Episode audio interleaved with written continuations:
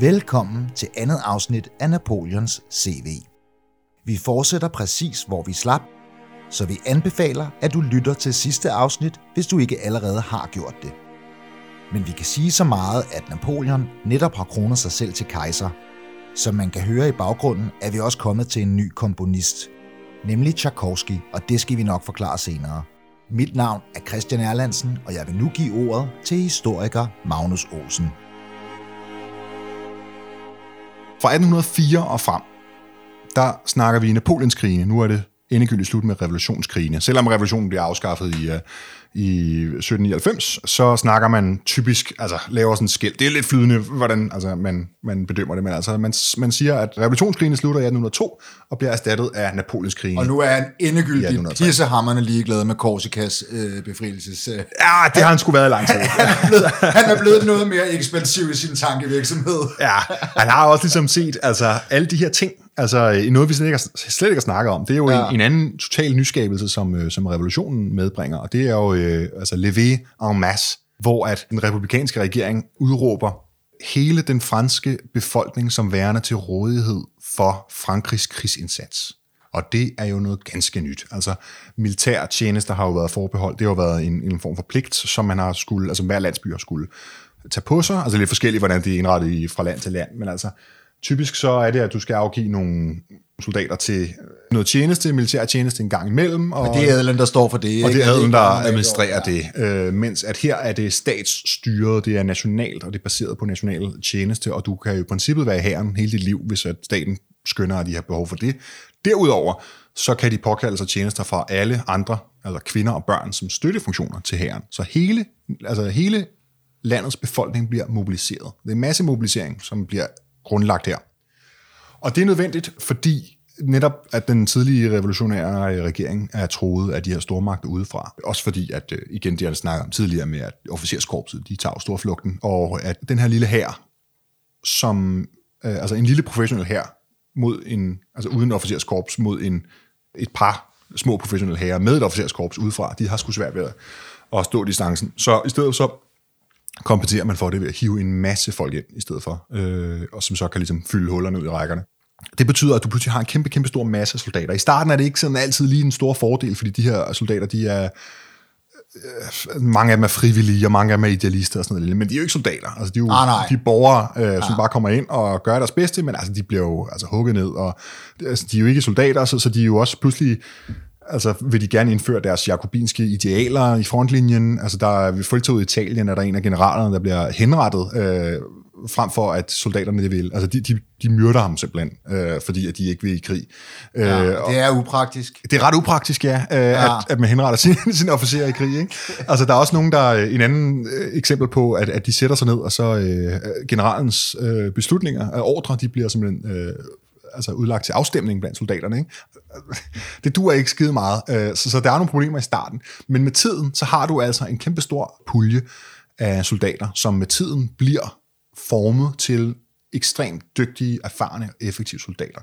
Og her ved Austerlitz, efter Austerlitz øh, afslutningen af, af hvad hedder det, kampagnen mod Østrig her i øh, starten af 1800-tallet, der står Frankrigs her på, altså det er virkelig, det er creme, creme. Det kommer vi til, når vi kommer til Rusland. Ja. Øhm, at det, de er, det, der, der er mange af dem, og de er sindssygt dygtige og erfarne, og det her med, at du øh, kan blive forfremmet fra øh, de menige mandskab øh, i hæren, kan komme helt op og blive, altså flere af Napoleons øh, marskaller er forfremmet fra øh, altså menige soldater.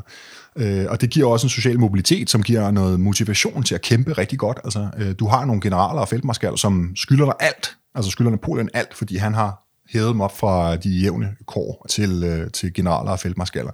Det er noget, der motiverer. Du har altså en, en professionel, erfaren, veltrænet og stor her. Altså det er med en opskrift på en succes. Ikke? Og det er jo ikke så mærkeligt, at de andre lande, som stadigvæk kører efter en ældre indretning af, af hæren og samfundet for den sags skyld, at de har svært ved at, øh, at, ligesom at hamle op med Frankrig.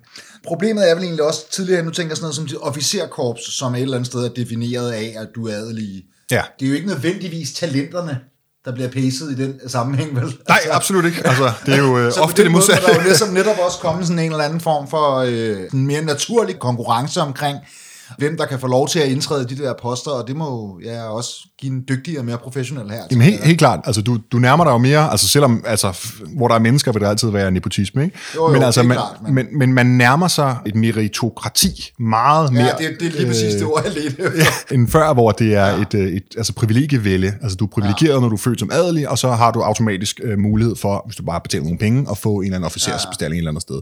Og du behøver ikke engang dukke op. Du kan bare have uniformen liggende i skabet, og så øh, er der nogle sergeanter eller sådan noget, der, der klarer de administrative opgaver for dig. Ja. Så det er jo ikke soldater, der er officerer i virkeligheden. Det er jo bare sådan nogle adelige dandier, der, der tager ud på slagmarken lidt, og så kæmper de mod hinanden, og så tager de hjem, og så, øh, og så danser de bal om aftenen, ikke? Ja. og så tager de tilbage til slagmarken dagen efter. Ikke? Altså, sat lidt på spidsen, ikke? Men, altså, jo, jo. men det er helt klart, at den franske øh, borgerlige system baserer sig mere på meritokrati, så folk, der faktisk har talenterne for det, de bliver forfremmet altså har muligheden for at uh, komme op i de øvre lag af det, det franske militær. Og det er jo ja. noget, der også der gør, at du får nogle meget, meget, meget mere effektive officerer. Du får en professionalisering af officerskorpset. Og det er jo noget, som, som er en udvikling, som mange lande kæmper med at, at få den her professionalisering. Det kræver en politisk opgør med en magtelite at gøre ja, ja. det, ikke? og det skulle altså ikke alle lande og regeringer og stater, som har stabiliteten eller modet eller evnerne til at gøre det. Og det er også en af årsagerne til, at Frankrig de knuser deres modstandere. Faktisk er det først, når at de andre stormagter de begynder at indrette deres militær efter fransk forbillede, at, øh, at de kan slå Frankrig, og de begynder at opnå paritet, altså at, at Frankrig ikke har den her taktiske og operationelle naturlige fordel i forhold til andre lande. Der er jo ikke nogen tvivl om, hvis du bare har flere soldater, så er du bedre, en bedre militær end, end dine rivaler.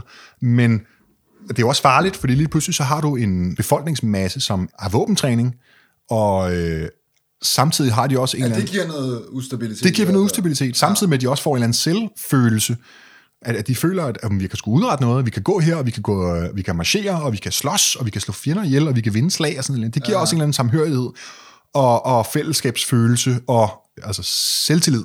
Ja. Og det er farligt, hvis du skal holde øh, hvad hedder det, pøblen nede. Så er det fandme farligt, hvis de har øh, både våbentræning og selvtillid. Ikke? Nu siger du våbentræning, ikke? Ja. Fordi på det her tidspunkt, der er det jo, der, der, der er det jo ikke engang kun skyderi, vel? Når vi kommer tæt nok på, så er det jo direkte sabler, ikke, der bliver brugt. Ikke øh, primært, nej. Øh, okay. Altså, nogen gør, men det er primært øh, bajonetter. Okay, men der bliver i hvert fald, der bliver, altså, du skal også kunne noget andet end bare øh, at skyde. Uh, altså, det er faktisk det vigtigste på slagmarken i uh, altså Napoleons tiden, det er faktisk, at du kan uh, finde ud af at lade og affyre dit våben. Uh, Meget hurtigt. Relativt hurtigt, ja. ja okay. Selvom at, uh, at der, altså, dine kammerater bliver skudt ned uh, til højre og venstre for dig. Altså lad os starte fra begyndelsen. Våbnet ja. er musketten. Ja. Våben er en forladet, altså en glatløbet forladet gevær. Det betyder, at uh, når du skyder, så øh, sætter du dit gevær ned på jorden med kolben nederst, og øh, altså mundingen og det, du skyder ud af øverst. Så putter du krudt og kugle ned i, og så skal du stå og stampe den ladning ned i bunden af geværet hen til kammeret med en lang pind. Fordi evnerne er ikke gode nok endnu, sådan metalarbejdermæssigt, til at lave bagladet gevær. Så derfor så skal du putte hele ladningen ned fra forenden af geværet, hvis du skal kunne lade den. Og nu tænker jeg sådan lige, det der med forladergevær og bagladergevær, det var noget, der også kom til at få en ret stor betydning i Danmark, gør det ikke det? Det siger man. Øhm, ja. øh, fordi øh, når vi begynder at nærme os øh, sidste halvdel af 1800-tallet, så begynder ja. man netop at lave bagladergevær. Og bagladergevær er bare genial i forhold til forladergevær. Altså du, ja. du kan, det går skide hurtigt, øh, og du kan ligge ned, mens du lader dem. Og det er vi så med 1864, der har vi ikke rigtig fået investeret i det, og det burde vi måske nok. Det er der ikke nogen, der har. Altså, ah, okay. det, er, det er Preusserne, og så ikke rigtig nogen andre. Altså, det er okay. jo, vi er jo, I Danmark er vi jo mod både Preussen og Østrig, øh, okay. vores gamle kendinge her fra ja. øh, Napoleons fortælling. Og øh, østrigerne, de har også forladet gevær, ligesom, ligesom øh, danskerne har. Okay. Så, så det er sgu ikke mange, der har. Altså, det er, Preusserne er foran i tiden. Ja. Det er jo også en, noget af en satsning og at gå totalt. Altså, militære er konservative. De, skal, ja, ja. de ved, hvis det her det virker, så skal vi blive ved med at bruge det. Vi skal ikke risikere noget. Fordi hvad fanden, hvis vi står der på slagmarken med 100.000 mand, og lortet ikke virker lige pludselig, ikke? så taber vi hele vores nation. Ikke? Så, så altså, der er en, en årsag til det. Øhm, Grunden til, at jeg nævnte det, det var, at de er blevet kendte, de der forladergeværer, i hvert fald i en dansk kontekst. Ja, det er de. Jeg kan huske, altså, øh, når jeg snakkede, øh, jeg, jeg har nok altid haft den der øh, lidt øh, nørdighed med, at spurgte min, min, min øh, mormor, øh, hvorfor øh, tabte vi egentlig krigen i 1864? Så, øh, så svarede hun, jo, det var fordi, at preusserne, de havde bagladegevær, og danskerne havde Ja, det er sådan en nationalmyte. Det er en nationalmyte, ja. Men det er en myte. Det har ikke en skid at gøre med udfaldet af krigen. Det udfaldet af krigen er defineret af, at Danmark havde en forventning om at, øh, at få hjælp fra andre stormagter, hvorfor at Danmark turde give sig i lag med to af de største landmilitære stormagter i Europa. Ja. Og de fik ikke noget hjælp. Desuden så skal man huske, at det afgørende slag i krigen i 1864, det var slaget ved Dybel. Og det var afgjort før, at man faktisk kom på øh, håndvåbenafstand af hinanden. Det var afgjort ved de der tre ugers artilleribombardement inden. Gode håndvåben er nice to have, det er ikke need to have. Det er ikke okay. håndvåbens kvalitet, ja. der afgør en krig. Okay, men det er, jo, det er jo lidt interessant lige at have det med. Ja, men her, i, når vi er tilbage i øh, omkring år 1800, ja. så er der ikke sket skide meget med håndvåbens udvikling ah. i 100 år eller mere. Der har man de her glatløbede, øh, hvad hedder det, forladede musketter, og igen, det her med, at du lader det hele forfra, det er besværligt, og det tager lidt lang tid. Men en anden meget, meget vigtig øh, faktor ved de her våben, det er også, at de, når de er glatløbet, så har du ikke nogen riffelgang i. Det betyder, at du kan ikke styre projektilet, når, det skyder, når du skyder det af mod fjenden. Det er derfor, at man skyder runde kugler af, i stedet for nogle spidse projektiler, vi bruger i dag. Det kan være hvilken som helst retning øh, eller ende af projektiler, der kommer ud mod fjenden først, og så er det bedst at lave dem runde, fordi de tumler ud mod fjenden. Altså, du kan ikke styre noget som helst, og du kan i øvrigt heller ikke styre, hvilken retning, at projektilet kommer ud af, af løbet på. Okay, så det er fuldstændig fucking random? Fuldstændig, altså, ja. Okay. Hvis du holder et, øh, et, et, øh, et glatløbet gevær, og holder det præcis samme sted, og skyder to skud af i træk, uden at bevæge dig overhovedet, så risikerer du at ramme to forskellige steder, fordi det er tilfældigt. Du kan ikke styre det. Og så skyder de jo heller ikke så langt, fordi når det ting tumler, i stedet for at de, de drejer. Altså det er ligesom, øh, hvis du kaster en håndbold i forhold til at kaste en amerikansk fodbold. Ja. Så en amerikansk fodbold, der har en spids, der giver sådan en sving på. Det er præcis samme effekt. Når det ting drejer sig om sig selv, og er aerodynamisk i sådan en spidse, så, så er de præcis, og de kommer meget længere også. Okay, så øh, hvis man ser noget, og det vil der stensikkert være noget fiktion, som illustrerer, nogle soldater, der på den her tid med deres forladergevær sådan, alligevel kan sidde og ramme pletter næsten lege snigeskytter, så er det sådan lidt urealistisk. Lidt, altså, men ja. altså, du kan godt ramme hvad du sigter på. Der, ja. altså, du kan godt være en dygtig skytte, sortkortskytte, men du skal bare ind for en 40 meter, hvis du skal have en chance for okay, at ramme ja, nogen, hvad du okay, rammer på. Ja. Udover det er det totalt random. Det her med, at du går skulder ved skulder, marcherer langsomt ind mod din fjende, stiller op lige ansigt til ansigt nærmest mod dem, og så fyrer du bare løs ind i ansigtet på dem. Der er nogle mennesker, der tror, at det skyldes en eller anden form for æresbegreb. Et øh, antikveret, øh, forældet æresbegreb, og at det er sådan den rigtige måde at føre krig på. Men det er det ikke. Det er faktisk defineret af våbnenes kapabiliteter på det her tidspunkt. For det første, så skyder du langsomt, så hvis du skal have altså, tilpas ildkraft til at, ligesom at dræbe nok dine modstandere til, at det skal have en eller anden form for moralemæssig øh, indflydelse, eller mandskabsmæssig indflydelse på fjenden, så skal du skyde rigtig, rigtig, rigtig mange soldater på samme tid fordi du kun kan skyde et skud ad gangen. Så derfor samler du dem i sådan nogle grupper, som står tæt på hinanden, så du kan skyde de her salver afsted. Derudover, fordi du rammer så dårligt, så er du tvunget til altså, at fylde luften foran dig med bly, for at have en chance for at ramme fjenden. Det er meget sjældent, at der overhovedet er sigtemidler, altså sigtekorn på de her våben, fordi du skal bare pege dem nogenlunde mod fjenden, og så skyder du. Når du står på de der 100 meters afstand, så står du sammen med alle dine kammerater tæt på, og så fylder I luften med bly foran jer, fordi hvis I sidder der og tager sigte på en individuel mand, der øh, står et eller andet sted, så er det, øh, altså, øh, det er ligegyldigt at gøre det, fordi du rammer ikke der alligevel, hvis det er på lang, lang afstand. Okay, ja, det er jo meget ret lige at få opklaret. Øh, og så det, det er salver i stedet for... Ja, ja det er salver, og det er øh, også, at du har også øh, kavaleri, som er en form for stødtrop på det her tidspunkt. Våben er ikke effektiv og hurtigt skydende nok til, at du kan være 100% sikker på, at ingen kavalerister nogensinde når frem. Så hvis du stiller dig spredt, øh, ud i spredt orden, altså med mellemrum mellem dine, øh, dine folk, så kan kavaleristerne, hvis der er mange nok af dem i hvert fald, de kan ride ind og altså løbe mellem hullerne i din formation, øh, og, og så hugge dig ned med sabler og lanser. Altså så, sablerne findes selvfølgelig stadigvæk. Der skal man også beskytte sig mod dem, og derfor står man i de her tætte rækker, sådan så at du øh, kan tage din bajonet på dit øh, gevær, og så lave en, en fælles front af bajonetter ud mod kavaleristerne, så de kan, bare kan ride ind og hugge dig ned bagfra, uden du, du når at gøre noget. Så der er mange årsager, men ingen af dem er altså en, et antikveret æresbegreb, der gør, at man stiller sig op øh, og, og skyder på hinanden så tæt på hinanden. Så det er altså noget militær taktisk og våbenteknologi kontekst for, hvorfor det er, man kæmper på den her måde. Ja. Her i 1805, der skal jo det unge franske kejserige jo stå sin prøve på slagmarken, må man sige. Man kan jo sige, at Napoleon har allerede altså bevist sit værd mange gange, men Austerlitz, det er ligesom uh, svendeprøven for kejseriet, om det kan klare tidens tand. Her er vi oppe i den tredje koalitionskrig, og øh, den blev oprindeligt startet af Storbritannien og Sverige. Østrig øh, og Rusland, de har ikke rigtig haft skide meget held på slagmarken endnu, så de rigtig gerne ligesom have revanche. Så selvom de bliver slået ud og bliver tvunget til at søge fred med Frankrig, så vender de hele tiden tilbage til øh, koalitionerne for, imod Napoleon for ligesom at, at få hævn. Men i 1805, der er Østrig og Rusland igen sluttet sig til den her tredje koalition. Napoleon, han øh, fører an over den her franske Grande Armée, som er navnet for den store franske hær. Han laver et mesterligt feltog rundt i Bayern, som er krigsskuepladsen her, øh, hvor han banker østrigerne og russerne. 60.000 øh, østriske soldater, de overgiver sig ved Ulm, slaget ved Ulm. 60.000? 60.000. Vi begynder at være deroppe af. Ja. Nu, snart, nu tæller vi, i stedet for 10.000, så tæller vi øh, herrer og slag i 100.000.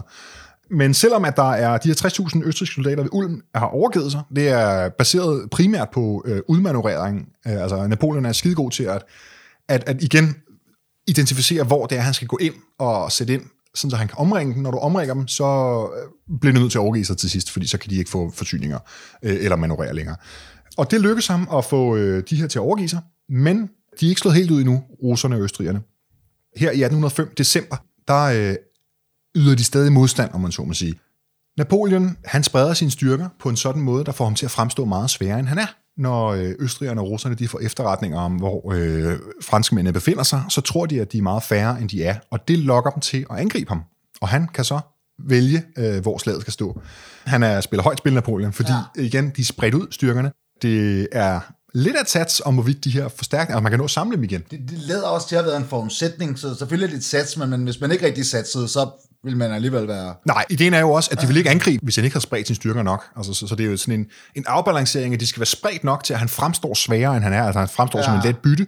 Men de skal også være tæt nok på, til at han kan nå at kalde dem til sig, når det, når det tæller. Ja, ja, så det tænker der er også noget med ligesom at kunne regne ud, hvor lang tid tager det her. ja, det er med med. Altså, det, han er en gambler, men altså, ja, ja. Han, han er dygtig til at gamble, fordi... Ja. Hvad er det nu? 40 slag, tror jeg, i alt i hans karriere, og han taber syv af dem. Ja, ja. Så må man sige, det er meget fint. Det, der sker ved Austerlitz, det er, at koalitionsstyrkerne er under kommando af den russiske general Kutuzov. En af de altså, elgamle kutter. Han har et øje, og han er kæmpe fed og ja, ja. virkelig sådan en rigtig russisk trold. Det er ham, der har den øverste kommando over de russiske og østriske tropper. De har altså en hær, der sammenlagt består af 85.400 mand. Men Napoleon, han øh, formår i løbet af det her slag ved Austerlitz, han når at samle to armékorps til sig, inden at slaget er overstået, og øh, det får den franske styrker på 73.200 mand.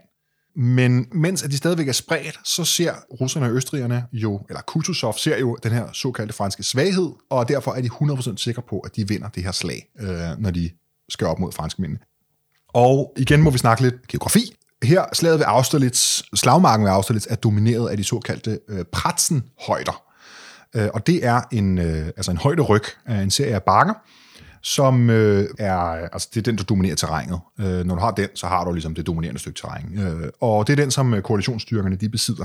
Deres, øh, altså Kutuzov, fordi han var fuldstændig sikker på en sejr, øh, og Napoleon fremstod svag, så øh, var hans plan at rykke frem fra Pratsenhøjderne og angribe den franske højre flanke, altså den sydlige del af øh, slagmarken. Altså det rykker frem fra Pratzenhøjderne med en fokus på at rykke mod venstre, altså den franske højre. Så der sætter de deres hovedstød ind. I øvrigt, den franske linje er 8 km lang på det tidspunkt, så man kan også se, hvordan det begynder altså, at blive nogle store slag. Og øh, så er der et sekundært angreb endnu en af de her flankeringsstyrker her, som skal angribe den franske venstre flanke. Men hovedstød, det er altså på den franske højre flanke. Og så har de den russiske kejserlige garde, altså livgarden, de står så i reserve, men for at kunne komme til hjælp enten ved højre eller venstre flanke, afhængig af hvor der er behov for dem, så er han nødt til at stationere dem ved selve landsbyen Austerlitz, som ligger øst for de her Pratzenhøjder. Og det er altså planen. Hvis man er fuldstændig sikker på sejr, så er det jo en, sikkert en udmærket plan. Men den overvågne lytter vil bemærke, at i øh, udførelsen af den her plan, så rømmer man Pratzenhøjderne fuldstændig. Og det er Napoleons forventning, at hans fjender, de angriber ham. Fordi han har jo fremstillet en svag front, som skal lokke den til at forlade de her Pratzenhøjder. Og det Napoleon gør, det er, at øh, så snart de her øh, soldater var bundet op af kamphandlinger mod de her franske øh, fløjsektioner, de har valgt at angribe, så rykker Napoleon ind med en større styrke af de her øh, forstærkninger, han får. Blandt andet øh, de her to armékorps, som han får tilkaldt sig som øh, forstærkninger. En af dem kan jeg jo nævne, det er øh, under kommando af hvad hedder det, Marskal Bernadotte, som senere bliver konge af Sverige. Og han dukker op igen senere i vores historie. Han er nemlig sjov. Men Bernadotte, han bliver beordret ind rundt om, øh, om koalitionsstyrkerne, og bliver beordret til at besætte Pratzenhøjderne, fordi de er jo tomme. Så man kan bare rykke lige ind, og så kan han stille, der, stille sig der. Øh, og det er sådan rimelig overraskende for øh, koalitionsstyrkerne. Det han så bruger pressenhøjderne til, det er, at selvom at øh, koalitionsstyrkerne de har flere kanoner end Napoleon, så fordi han kan sætte dem op på de her højder, så kan han koncentrere dem de steder, hvor at det giver bedst mening. Altså han, igen, han identificerer de steder, hvor at han skal sætte sine styrker ind. Så koncentrerer han hans, selvom han har færre kanoner, så samler han dem et sted, der hvor at det er vigtigt, der ved sværpunktet, hvor det er allervigtigt. Og så blæser han øh, koalitionsstyrkerne til øh, stumper og stykker, og øh, så kan han altså slå de allierede modangreb, der forsøger at, at generobre Pratsenhøjderne tilbage. Efter at de ligesom har sikret Pratsenhøjderne, så tager han øh, Napoleon sin reserve ind, som består af den franske kejserlige garde. De rykker øh, sydpå nu skal vi måske lige rise op, hvad der er sket her. De allierede de har forladt Pratsenhøjderne og rykket frem mod øh, franskmændene mod øh, sydvest. Størstedelen af dem de er i den sydlige del af fronten. Napoleon sætter sine reserver og gardister ind i den nordlige ende af Pratsenhøjderne. Dækket af artilleriet på Pratsenhøjderne kan de gå om bagved de her allierede linjer, gå rundt om deres venstre flanke og angribe russerne øh, og østrigerne i ryggen helt ned syd for de her Pratsenhøjder. Så Pratsenhøjderne er udgangspunktet for et modangreb fra, øh, om man så må sige, fra den kejserlige garde. Altså hele den allierede hovedstyrke er omringet på det her tidspunkt. Det øh, finder de ud af, russerne her, øh, og de forsøger så at bryde ud af den her omringning ved at rykke tilbage mod øst, men fordi de er omringet, så, altså, og franskmændene de øh, skyder løs på dem, det bliver først til en tilbagetrækning, regulær tilbagetrækning væk fra fjenden, og som så, der ringen bliver sluttet rundt om den, bliver det en fuldstændig hovedkultsflugt, hvor at, deres her bliver knust. Og øh, da slaget så slut, så er der 8.000 døde og sårede på fransk side mod, altså dobbelt så mange, 16.000 på øh, koalitionssiden. Altså en overlegen sejr til det franske kejserige, og det tvinger Østrig og Rusland til at øh, komme til mælingsbordet. De tilbyder russerne noget mere gavnlige fredsvilkår. De får lov til at altså rykke hjem til deres hjemland, uden at blive øh, molestreret yderligere, øh, og så skal de bare tiltræde sig øh, det, der senere bliver til kontinentalsystemet, det kommer vi ind på lige om lidt, ja. mens at øh, Østrig de får temmelig hårde øh, vilkår, øh, faktisk rigtig, rigtig hårde vilkår. Øh, langt størstedelen af de tyske stater, som er tilknyttet det her tysk-romerske kejserige, som jo egentlig er det reelle navn for Østrig, øh, det østriske kejserige, de bliver øh, fjernet fra deres, øh, altså tilknytning til det, og bliver i stedet indlemmet i det såkaldte Rhin-forbund, som er en, altså en alliancepartner, af en lydalliance, om man så må sige. En alliance af stater, der skal være lydige over for Frankrig. Så det vil sige, at han dominerer Centraleuropa på det her tidspunkt fuldstændig.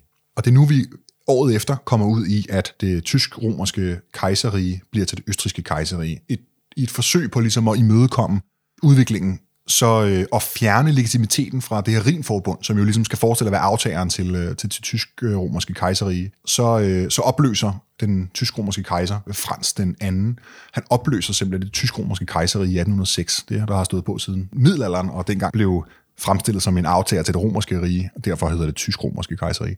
Det blev opløst i 1806, og så øh, erstattet, eller ikke erstattet, fordi han har allerede udråbt sig selv som kejser. Han vidste godt, hvor eller han havde en anelse om, hvor det kunne bære hen af. Så han ja. eleverede Østrig, det der var et kongerige Østrig før, øh, det eleverer han til kejserige. Og det bliver så den nye center for østrisk kejsermagt. Det bliver så det østriske kejserige, og det hedder det så det bliver så det østrig-ungarske rige senere hen, men det hedder det så indtil afslutningen af Første Verdenskrig. Ja. Øhm, så nu er her efter Austerlitz, resultatet af Austerlitz, det er det tysk-romerske kejserige.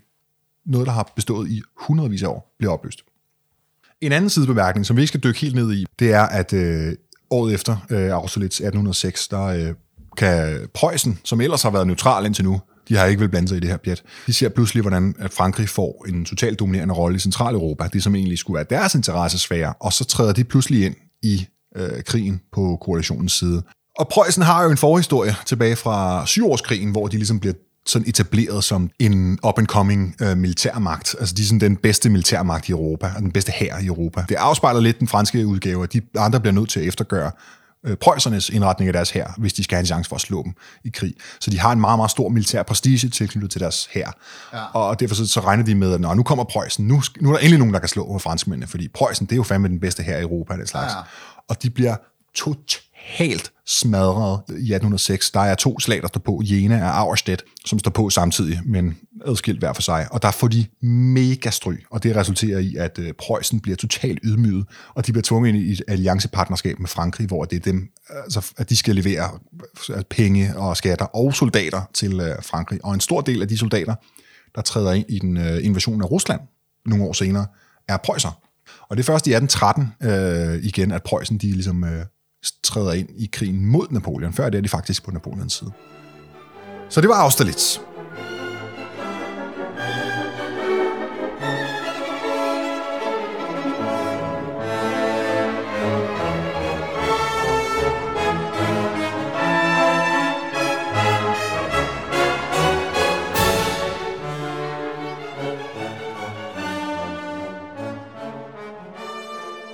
Jeg nævnte øh, kontinentalsystemet før, og det er vi nok nødt til også lige at, at snakke lidt om.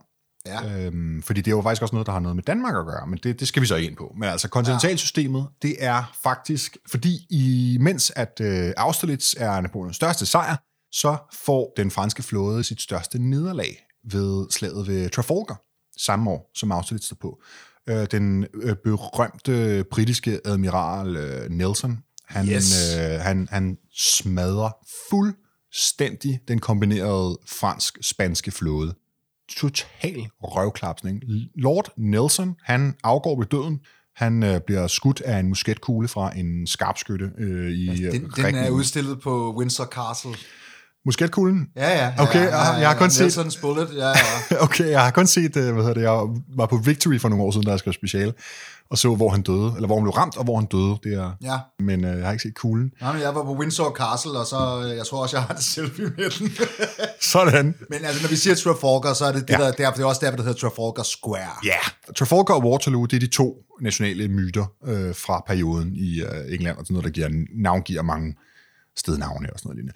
Men altså, det var et, et knusende nederlag. Altså, Frankrig må for altid opgive enhver drøm om at øh, invadere England. Og øh, altså England har søherredømmet i Europa og verden helt frem til altså Første verdenskrig øh, og Anden verdenskrig, øh, hvor de stadigvæk altså, de koster lidt på deres, øh, deres stormagtsperiode. Men de, de smadrer fuldstændig den franske flåde, og øh, så sørger de simpelthen for at øh, blokere for handel til Frankrig, og det er noget, der generer den franske økonomi en del. Og som en modstød til det her, den øh, øh, engelske øh, hvad hedder det, handelskrig, så øh, finder Napoleon på det kontinentale system, hvor han, fordi han kan jo godt se, at altså Frankrig er totalt dominerende til lands, og England er totalt dominerende til søs. Så han må jo ligesom gøre sin magt gældende, hvor han kan. Så han erobrer Europa, eller øh, truer med erobring, og får indlemmet øh, landene og kystlandene i Europa i det her såkaldte kontinentalsystem. Kontinentalsystemet går ud på, at han, altså man lukker havnene for engelske skibe, eller engelsk orienterede skibe, øh, det vil sige neutrale skibe, der kan finde på at handle med England. Og så er der ellers frit løb for franske varer øh, i hele Europa. Ikke? Så ingen tariffer på franske varer, men der er lukket havne for, for England. Og det er jo øh, en smart nok idé, men handel med England er jo også det økonomiske grundlag for mange af de her lande, der ligger ud til altså kystlinjen af Europa. Så det er en sig mere, end det er et skjold mod engelsk økonomi. Der er mange huller i, og der er omfattende smuglerier i de her lande det er noget, der gavner Frankrig, det er jo ikke noget, der gavner de andre lande. Og det er sådan en af årsagerne til Napoleon, han ender med at falde. Det er jo fordi, han kan ikke finde ud af at behandle sine venner anderledes end sine fjender. Øh, han er ikke et, øh, et diplomatisk geni, må man sige. En af de lande, som værer sig ved det kontinentale system, det er Rusland. Og Rusland i 1812, der øh, går de imod det her kontinentale system. Øh, de øh, tillader neutrale skibe at anløbe deres havne, og de begynder at indføre tariffer øh, og tolv på, øh, hvad hedder det, på franske varer. Og det får Napoleon til at reagere ved at samle øh, alle de styrker, han har rådighed over. Italienere, polakker, tyskere og franskmænd. Øh, hele Multhausen samler han i en stor Grand Armé, og så går han ind i Rusland. Og det er jo den La Grande Armée på sit højdepunkt. Der er jo sindssygt meget. Man anslår, der er omkring 600.000 mand. Over en halv million soldater fra øh, en stor del af landene i Europa går ind i Rusland. Og de er erfarne og veltrænede, og de har mange års øh, krigsførsel på banen, og de er jo simpelthen, det er Europas skræk, der går ind over øh, Ruslands grænser. Var det så en god idé? Nej. og det, de minder en lille smule om noget, der er sket senere. Ikke? Ja, oh. det, var, det gør det. Hvad er det. Der er en eller anden øh, maxime om, at du skal aldrig nogensinde indlede dig i landkrig i Asien. det er sådan, det regel for alle generaler. Men, hvad hedder det, feltoget i Rusland, 1812, de rykker ind i Rusland. Altså på det her tidspunkt, den franske La Grande Armée, de har jo den her, altså Napoleon især, har den her aura af total uovervindelighed. De har jo faret al modstand til side øh, i Europa, og hver eneste gang, altså de slår jo alle koalitionerne imod ham gang på gang på gang på gang. Alle tror, at Frankrig er fremtiden, og at det er dem, der ligesom vil dominere Europa i mange, mange år frem efter. Og det sætter Napoleon så over styr ved at gå ind i Rusland, fordi den russiske hær er ikke rigtig interesseret i at tage opgøret med den franske mega-hær, der, der rykker ind mod dem. Altså selvfølgelig, de er spredt ud, og der er ikke rigtig noget tidspunkt i nogle af de få slag, der er i det russiske feltog, hvor der er mere end selvom der er 600.000 mand i La Grande Armée, så er der vist 133 soldater på fransk side mod 120.000 russere. Ikke? Så det er igen det her med marchere spredt og kæmpe samlet. Ikke? Så der er altid begrænset, hvor mange soldater du kan samle. De, øh, altså russerne, de rykker så bare tilbage og giver, afgiver territorier efter, altså territorier, landsby efter landsby. De øh, benytter sig af den brændte jords taktik. De har, de snupper så meget, mange forsyninger med, de kan, øh, og brænder landsbyerne ned, sådan så at øh, de franske øh, soldater ikke kan snuppe mad. Øh, altså på grund af det her logistiksystem, øh, det er umuligt ved hjælp af hestekære igennem Rusland at forsyne en, en her på 600.000 øh, mand med madvarer altså hjemmefra. Så derfor så er en del af planen, det er, at de skal snuppe det mad, de kan finde på vejen. Og det er sådan en almindelig praksis, fordi hestekære, det er fandme ikke særlig effektiv øh, transportmiddel. Så, så det, det er almindelig praksis på det tidspunkt. Men øh, der var meget, meget, meget langt i, øh, hvad hedder det, mellem noget i Rusland. Så hvis de snupper maden, så er der lang tid til de kommer til næste landsby, hvor der er mulighed for, altså for at få noget mad. Øh, og hvis de snupper maden derfra, så øh, er der endnu længere. Øh, og det er noget, der virkelig slider på, på hæren. Men de rykker tilbage og tilbage og tilbage, og så til sidst ved Borodino, en landsby, der ligger små 115 km vest for Moskva, der stiller Kutuzov endelig øh, op til kamp. 120.000 russere mod de her 133.000 franskmænd, tyskere, polakker, alle de her forskellige øh, nationaliteter. Det bliver en, en, altså, det bliver en sejr til franskmændene, i princippet. Ja. Men en lille sejr. Øh, Napoleon, altså det er, der skulle gået mange år siden Austerlitz her, og Napoleon er ikke rigtig i sin bedste form længere. Udover det, han er også syg, øh, det er koldt, det er øh, vinter i Rusland, der er sgu koldt. Det, det, det er meget koldt ja. i Rusland, når det er vinter. og øh, Napoleon har reddet sig en lille snue, efter ja. sine, øh, og derfor så er han øh, altså med feber og det slags. Altså han er absolut heller ikke sådan, den mest effektive udgave af, af sig selv længere. Altså der er også en eller anden taktisk dogenskab, kommer der over den, altså den franske hær generelt, at det er på mange, altså alle niveauer af den franske hær. Man kan nærmest sige, at de er forblændet af deres egen succes, så vildt de for meget på laverbærene. Og, og ja, noget jeg, jeg simpelthen også bare har tænkt på, det mm. er, at nu til du det der med hviler på laverbærene. Ja. På trods af, at Napoleon har erklæret sig kejser, ja altså, så tager han jo stadig med rundt og slås. Ja. Altså, det, det han kunne jo ligesom godt have sagt, det må der være nogle andre uddelegeret arbejdet. Men han er stadigvæk, det, han er stadigvæk ude at lave strategi og taktik og sådan noget med her. Altså. Ja, det er han. Altså, det er jo, der er jo ingen tvivl om, at, at han ligesom er en, altså en af årsagerne til, altså at Frankrig klarer sig så godt øh, militært i den her periode. Han er jo den dygtigste feltherre, som Frankrig har. Ja. Men han kan ikke være alle steder. Nej, det er jo og det. det er jo et stort problem. Øh, man ser det især i øh, altså, kampene på den spanske halvø. Ikke? Altså, der er han der ikke til at starte med. Og så går det rigtig galt for, for Frankrig, og så må han jo, ah, for fanden, så må jeg jo tage ned, og så tager han ned, og så uden at rigtig at udføre nogen, altså kæmpe nogle krige eller slag, så, øh, så får de banket, øh, hvad hedder det, øh, englænderne, og portugiserne og spanierne, øh, og så lige snart han tager afsted igen, så går det dårligt for dem igen. Ikke? Altså lige snart han altså det er jo så kæmpestort verdensomspændende rige, så han kan jo ikke være alle steder men han er nødt til at være nogle steder, fordi at, at uden ham, så, så, altså, det, så mangler de altså de der øh, militære geni. Ja. Derudover så er han jo også bange for, at hans altså magtlegitimitet, den hviler jo på hans øh, prestige på slagmarken.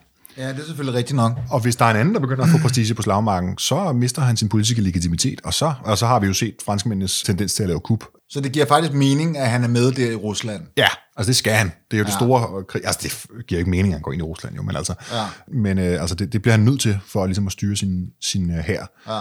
Men de vil jo ikke rigtig gå i krig før ved Borodino. Igen så, altså, de hviler jo på laverbærene. Det er jo ikke øh, raffineret øh, taktik, de bruger ved slaget her.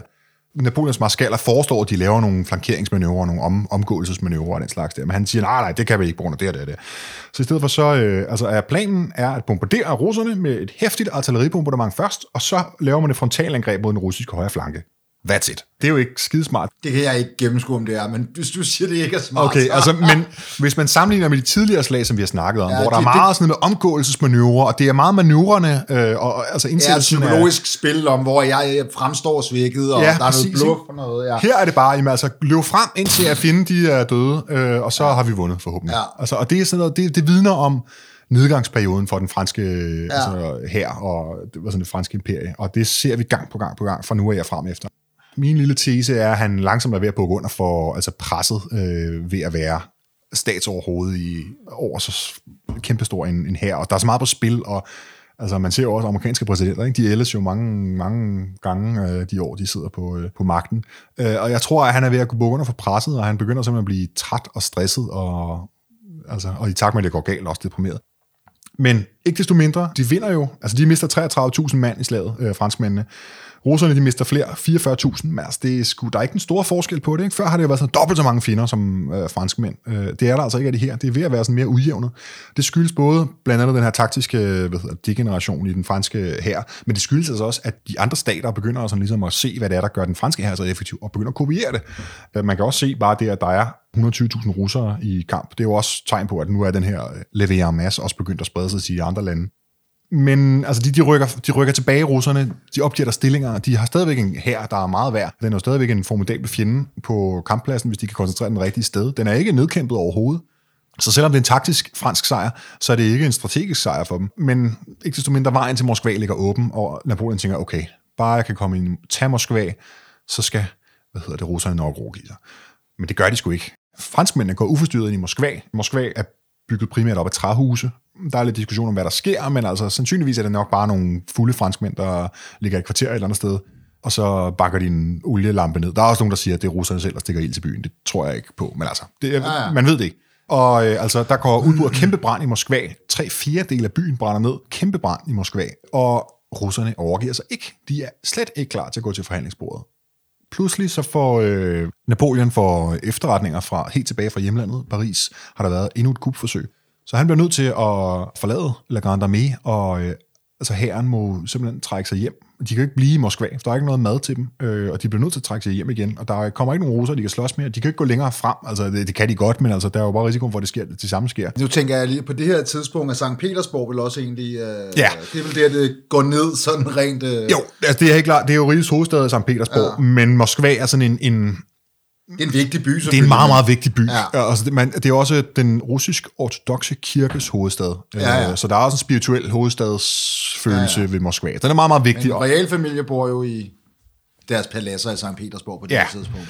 Men altså, han forventer stadigvæk, at de kommer til kryber til forhandlingsbordet. Ikke? Fordi, ja. Men altså, han formår ikke at knuse herren.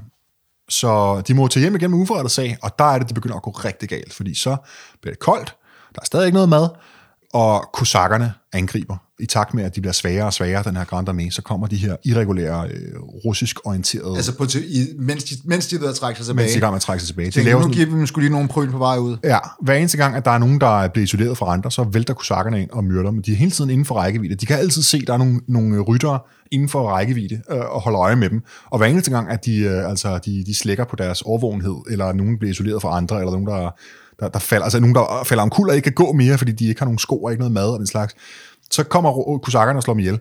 Og det er med pres. Altså, der skal altid være nogen på vagt. Uanset om der er minus 40 grader og 2 meter sne eller lignende, så skal du sidde på vagt og holde øje med, at de der kosakker ikke kommer, fordi så skal du kunne vække dine kammerater, ellers ja. dør I alle sammen i søvne. Det er noget rigtig lort at være soldat i øh, La Grande Armée her ved tilbagetoget.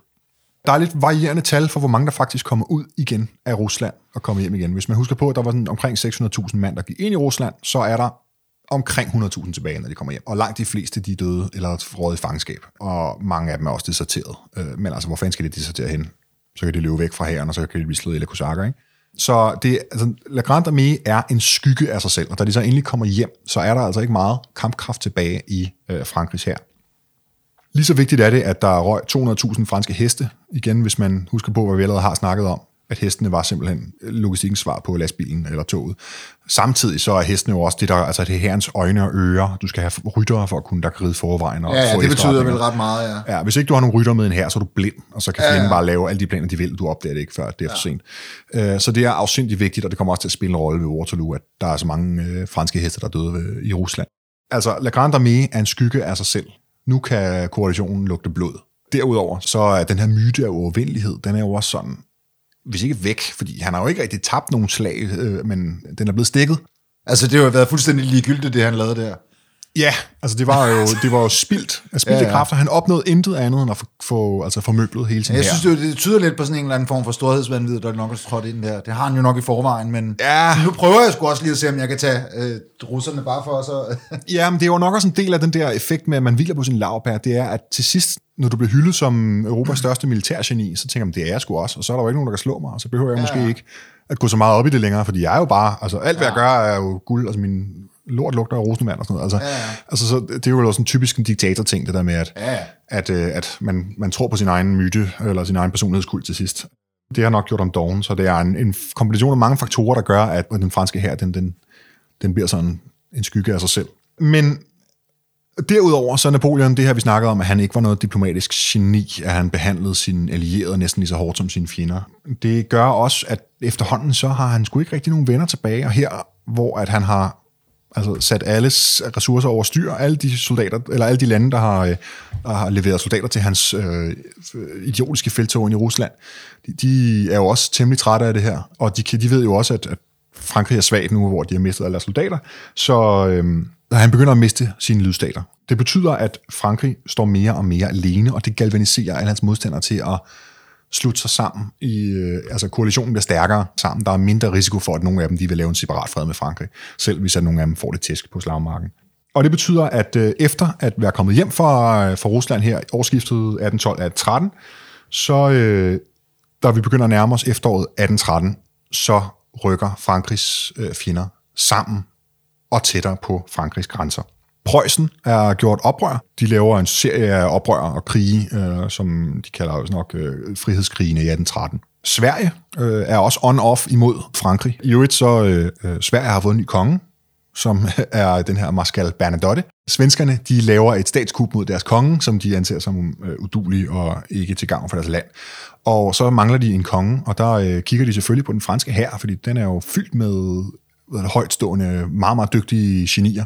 Og der spørger de så, om øh, Bernadotte han ikke vil komme og tage tronen i Sverige. Og Bernadotte går til Napoleon og spørger og beder om tilladelse til at udtræde af den franske hær og tage kronen. Øh, Napoleon giver ham øh, sin velsignelse, så frem at han lover, at Sverige vil være orienteret mod øh, Frankrig fremover. Og ja. så siger Bernadotte, ja, det skal vi nok aftale. Det lover jeg, og så løber han op til, øh, til Sverige, og prompte, øh, du ved, går han imod øh, sin tidligere herre Napoleon. Ikke? Altså, det er også et røvhulsmove, synes jeg. Ja, jo jo, men altså, Napoleon var sgu altså, øh, ikke meget bedre selv. Altså. Nej, det er vel rigtigt nok. Men øh, han var meget, meget, meget bitter over det, øh, ja. Napoleon. Typisk svenskerne. det der med sådan lige pludselig bare at importere en, en, en konge fra, fra Frankrig, Ja, det er mærkeligt noget. Det er noget mærkeligt noget, men altså, det er jo noget, man ser mere og mere, og det er jo faktisk også noget, der ligesom øh, bunder ud i den her, altså, fordi det er jo faktisk noget, Frankrig på en eller anden måde, de, de, øh, de praktiserer meget, fordi de, de omskriver jo de her gamle landes politiske historie lige pludselig ved at komme ind og udslette kongeriger, der eksisterede lang tid, og erstatte dem med helt nye, konstruerede kongeriger, og plumpe en eller anden... Øh, halvbror til Napoleon på tronen i stedet for. Ikke? Ja, ja. Øhm, altså, så det er jo, de har jo selv ligesom været med til at etablere det her med, at jamen, altså, en stat er, hvad jeg siger er en stat, og jeg har ja, en her, der kan bakke mig op i det. Ja, ja. Øhm, så det er måske noget, der altså gør det øh, sådan mere tilladt at, at sætte en fransk marskal på den svenske trone. Okay. Men, men så er der jo også en tendens til, at der er en større internationalisme, end man giver dem credit for. Ja, ja. Altså, at, at adelige, de træder jo tit i tjeneste fra fremmede lande, ja. øh, altså militærtjeneste og det slags, så kan nogle gange kæmpe mod deres eget land. Øh. Ja, vel egentlig også samtidig med, at nationalismen som idé, det er jo øh, faktisk forholdsvis nyt begreb, ikke? Jo, altså det opstår altså, det i virkeligheden, så er det jo det er fyrsterne, der, der, der definerer områderne, definerer, altså, ja. hvorimod det, man finder nogle andre, altså...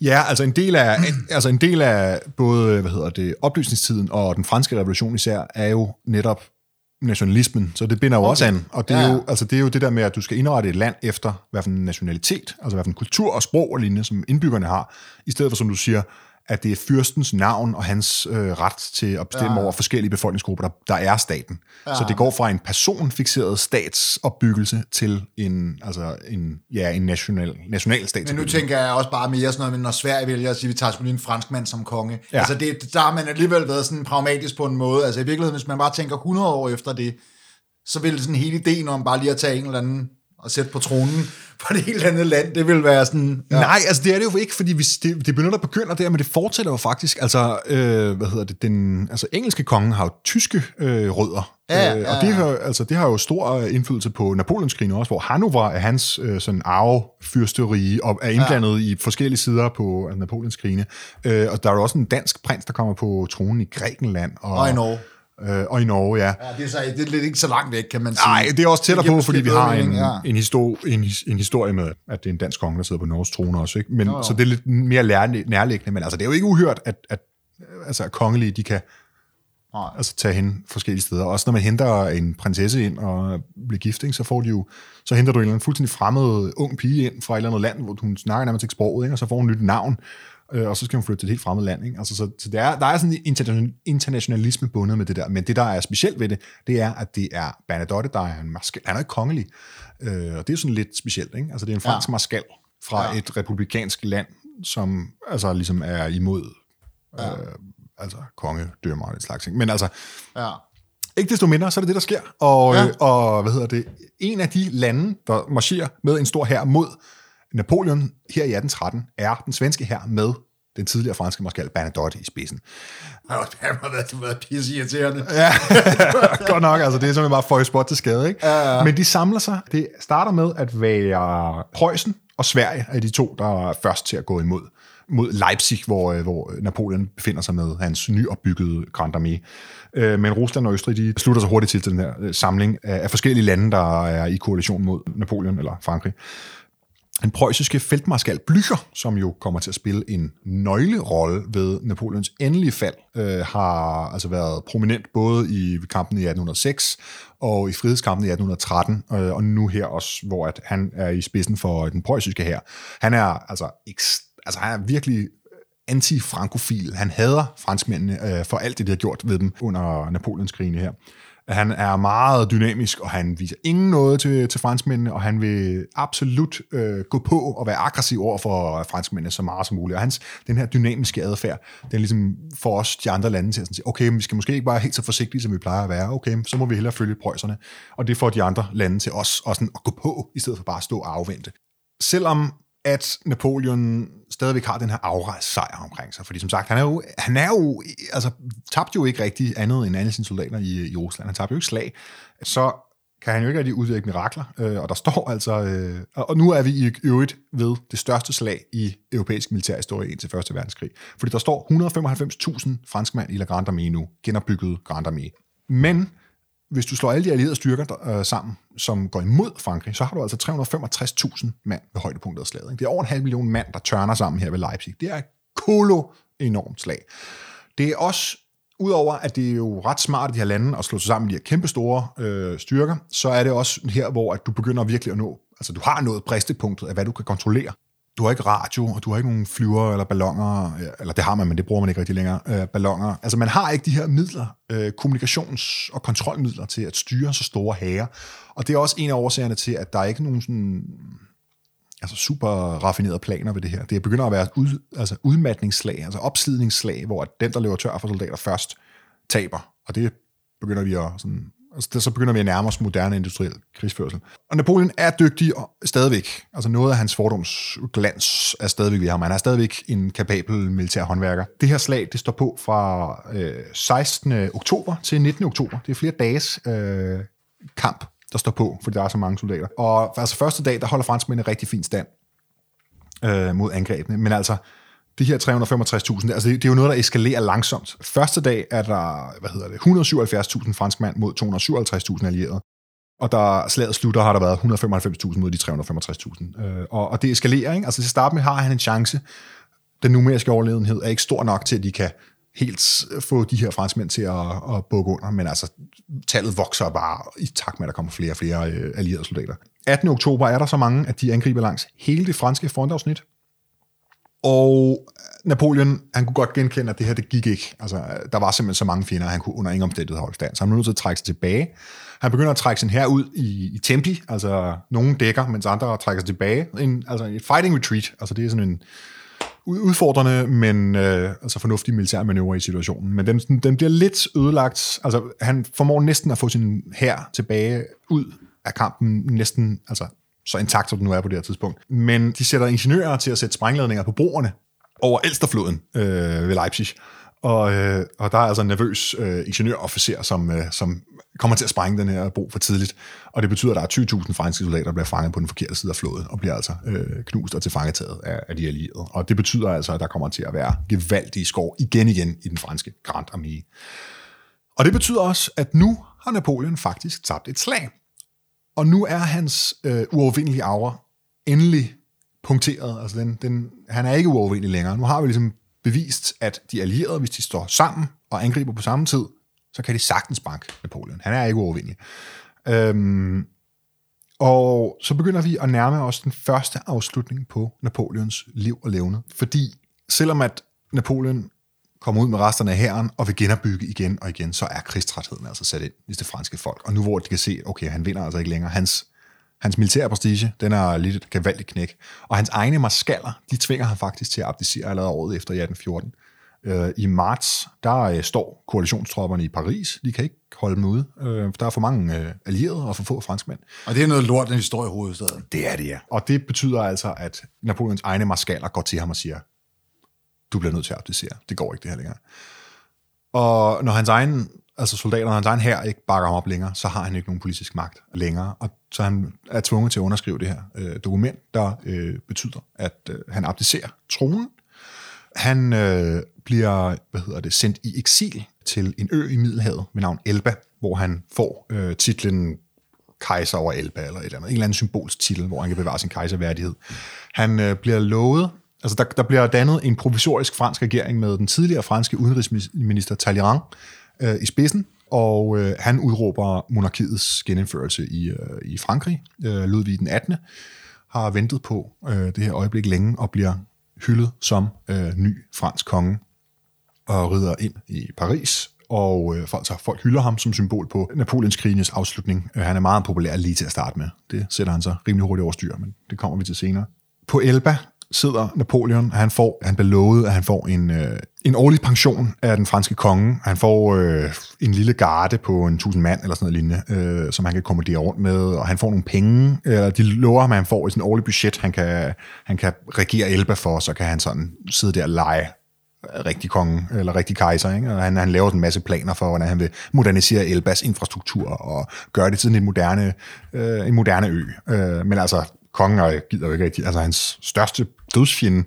Øh, som har været øh, årsag til hans families fald før. Altså det, han har... Fanden skal jeg ja. sponsorere det lort, ja. Ja, det er store politiske ja. hensyn, ikke, for at Napoleon han har et eller andet at lave, han bliver beskæftiget, og han ikke føler sig alt for ydmyget, så han ikke vender tilbage, eller prøver at lave oprør, eller et eller andet. Øh, men altså de her penge, den gider han sgu ikke sende af den franske konge. Altså han har sgu også, sikkert også problemer nok med økonomien derhjemme i forvejen. Og øh, så, så Napoleon han bliver mere og mere bitter og sur herude på Elba, og økonomien er elendig hjemme i Frankrig, og Ludvig den 18. Øh, glansperiode forsvinder ret hurtigt, fordi at selvom at han er symbolet på fred, så er han stadigvæk en enevældig konge, som skruer tiden tilbage fra før revolutionen, uden rigtig at, ligesom at rette op på nogle af de ting, der gjorde, at revolutionen brød. Altså, til dels. Han er ikke effektiv nok til at, at gøre, han gør ikke nok for, at øh, han, øh, han retter op på, på de her samf, altså sociale uretfærdighedsproblemer. Og, og, og det, det, det giver ligesom en udbredt og udbredt utilfredshed med det her øh, restaurerede monarki. Og det giver nogle problemer, som vi skal ind på på et senere tidspunkt. Ja. Det var jo ligesom inde på den her, sådan, hvad kan man sige, første afdeling, fordi at næste gang, ja. der skal vi jo simpelthen kigge på hans, det man nok med et moderne udtryk vil kalde for comeback. Ja, ja, et encore. Men også hans endelige endeligt. Ja. Han har en, øh, en hurtig genkomst. Øhm. Og jeg tror godt, alle kender navnet på det endeligt. Ja. Fordi det er jo blevet et, det er jo faktisk blevet et af de mange, der er mange ting, der er opkaldt efter, øh, men... Øh, ja, men altså... Hvis nogen skulle være i tvivl, nu siger jeg det Waterloo. Ja, altså... At, at møde sit Waterloo er jo et, et udtryk, der sådan ja. set stadigvæk bliver brugt måske lidt ældre øh, typer, men, øh, men altså at møde sit Waterloo, det er simpelthen noget, der har holdt ved i cirka 200 år okay. øh, fra den gang. Ikke? Og, og det er jo altså, det er jo øh, et navn, der giver genklang kulturelt øh, langt ind i nutiden. Ikke? Altså arbejdsnummeret. Ja, ja, er jo, ja. Så det er jo, det er jo en, en, en noget, der giver kulturelt genklang, udover at der er rigtig, rigtig, rigtig mange steder navne i England, der er opkaldt efter Waterloo. Men nu foregriber vi også begivenhedernes gang.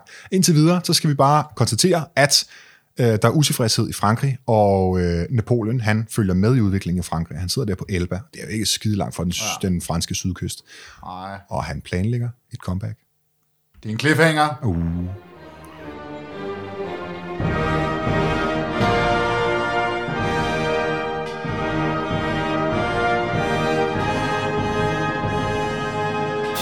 Inden vi slutter helt, skal vi huske at kommentere musikken til dette afsnit. Det er nemlig 1812-overturen af Tchaikovsky. Et stykke musik, der netop skildrer Napoleons feltog ind i Rusland, og ikke mindst den katastrofale tilbagetrækning af den franske hær. Det skal dog siges, at Tchaikovsky slet ikke var født i 1812. Det blev han først i 1840. Og værket havde uopførsel i 1882, det vil sige 70 år efter begivenhederne fandt sted. Vi lyttes ved.